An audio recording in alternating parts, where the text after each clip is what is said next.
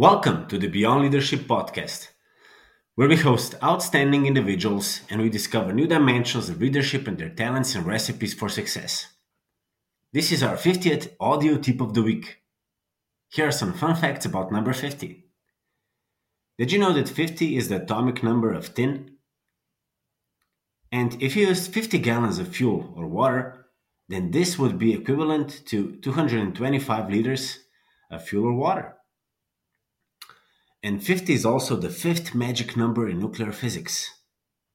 And here's a happy thing if a couple has been married for 50 years, then they would be celebrating their golden wedding anniversary. And the final fun fact did you know that the United States of America is made up of total how much? How many? 50 states. That's correct. Now, today's tip of the week is based on the article how Great Leaders Communicate, written by Gallo, published in November 2022 in Harvard Business Review. In the age of knowledge, ideas are the foundation of success in almost every field. You can have the greatest idea in the world, but if you can't persuade anyone else to follow your vision, your influence and impact will be greatly diminished. That is why transformational leaders are exceptional communicators. In this article, the author outlines four communication strategies to help motivate and inspire your team. Number one, use simple language to write about complex things. Long, complicated sentences make written ideas hard to understand because they demand more concentration. You'll win more supporters if you replace long words and sentences with shorter, more straightforward ones. Number two, choose sticky metaphors. When you introduce a new or abstract idea, your audience will search for something they recognize to help them make sense of it. A metaphor is a powerful tool that compares or equates a new abstract idea to a familiar image or concept. Number three, humanize data. Slide decks with statistics and charts are helpful, but limited.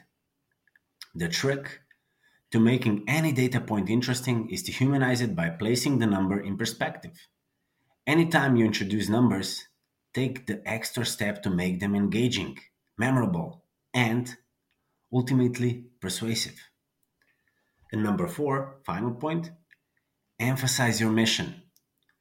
Shine a spotlight on your company's purpose across communication channels, meetings, memos, emails, presentations, social media, and marketing material. If your mission stands for something, then stand up for it, fight for it. Transformational leaders over communicate.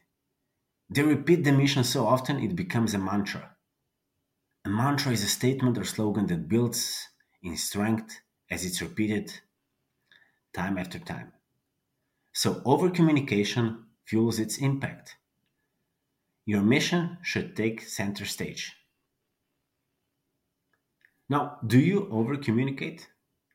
Have you ever really focused on communication?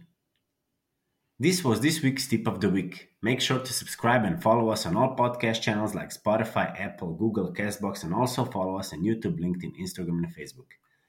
And I'm extremely excited because this is our 50th tip of the week. So thank you very much for listening. Till next time.